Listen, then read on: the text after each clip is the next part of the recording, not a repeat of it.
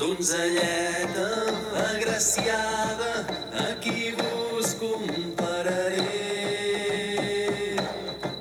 A la flor de la perera o a la rosa del roser? Del Carràs al negre de Banyoles.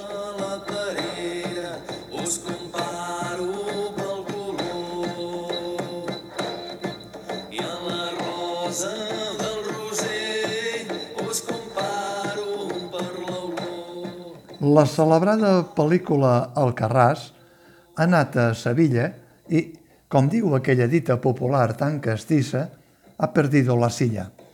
No passa res, és gairebé llei de vida, de vida espanyola, és clar, que hagi passat això.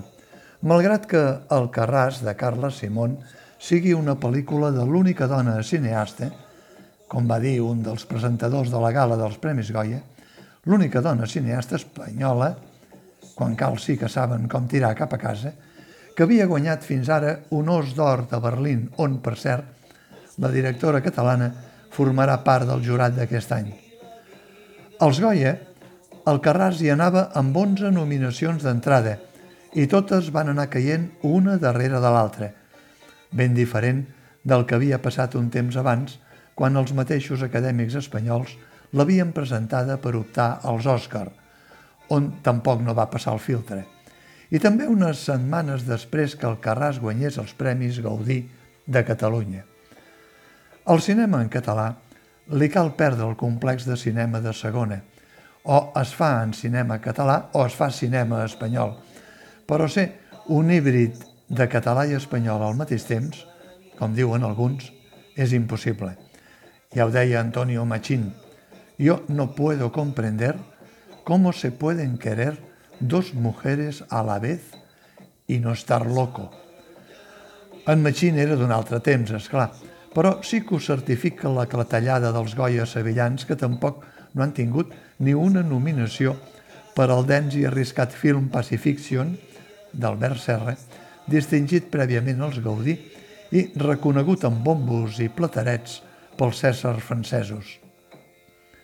El Carràs serà el Carràs malgrat el menyspreu dels Goya.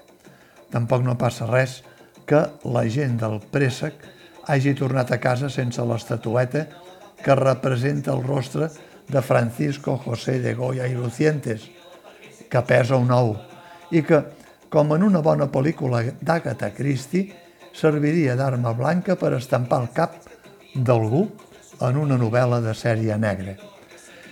I ja que parlem de sèrie negra sense paternalismes ni prejudicis, passem ara a parlar del Negre de Banyoles, un programa d'aquells que TV3 amaga en hores estranyes i promoció escassa, sort de l'opció a la carta, on el raper i presentador d'origen de Gàmbia, Daura Mangara, crescut a Catalunya, vora el llac de Banyoles, fa un recorregut per la vida i miracles de figures de les lletres catalanes amb un rerefons de recerca poètica i relacionant sempre l'obra de l'autor o l'autora escollits amb allò que més ha caracteritzat la seva vida. El programa El Negre de Banyoles preveu de moment vuit capítols amb noms tan solemnes com els de Josep Maria Espinàs, enregistrat poc temps abans de la seva mort, quan l'escriptor dels viatges a peu ja era ingressat en una residència, i també altres mirades a Mercè Rodoreda, Vicent Andrés Estellers, Miquel Martí i Pol o Clementina Arderiu. Els programes, amb molts exteriors trascant per tots els països catalans, Barcelona, Roda de Ter, Burjassot, Cadaqués o Sant Jaume de Frontanyà, s'enregistra en clau de cafè-concert amb amics i coneguts a la sala La Mirona de Sal, molt a prop de Banyoles, d'on és Daura Mangara, que, a més d'haver estat un temps a la presó, escriu poesia, canta, balla, toca la guitarra i parla un català banyolí de primera. El cinema català i, per extensió, la televisió catalana és això, el Carràs per una banda i el negre de Banyoles per una altra.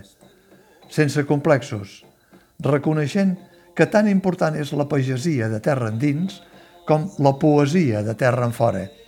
I això no es paga mai amb una estatueta, sinó amb la complicitat de la gent que s'hi sent identificada fins al moll de l'os, o de l'os, amb diacrític clandestí, de l'os de Berlín.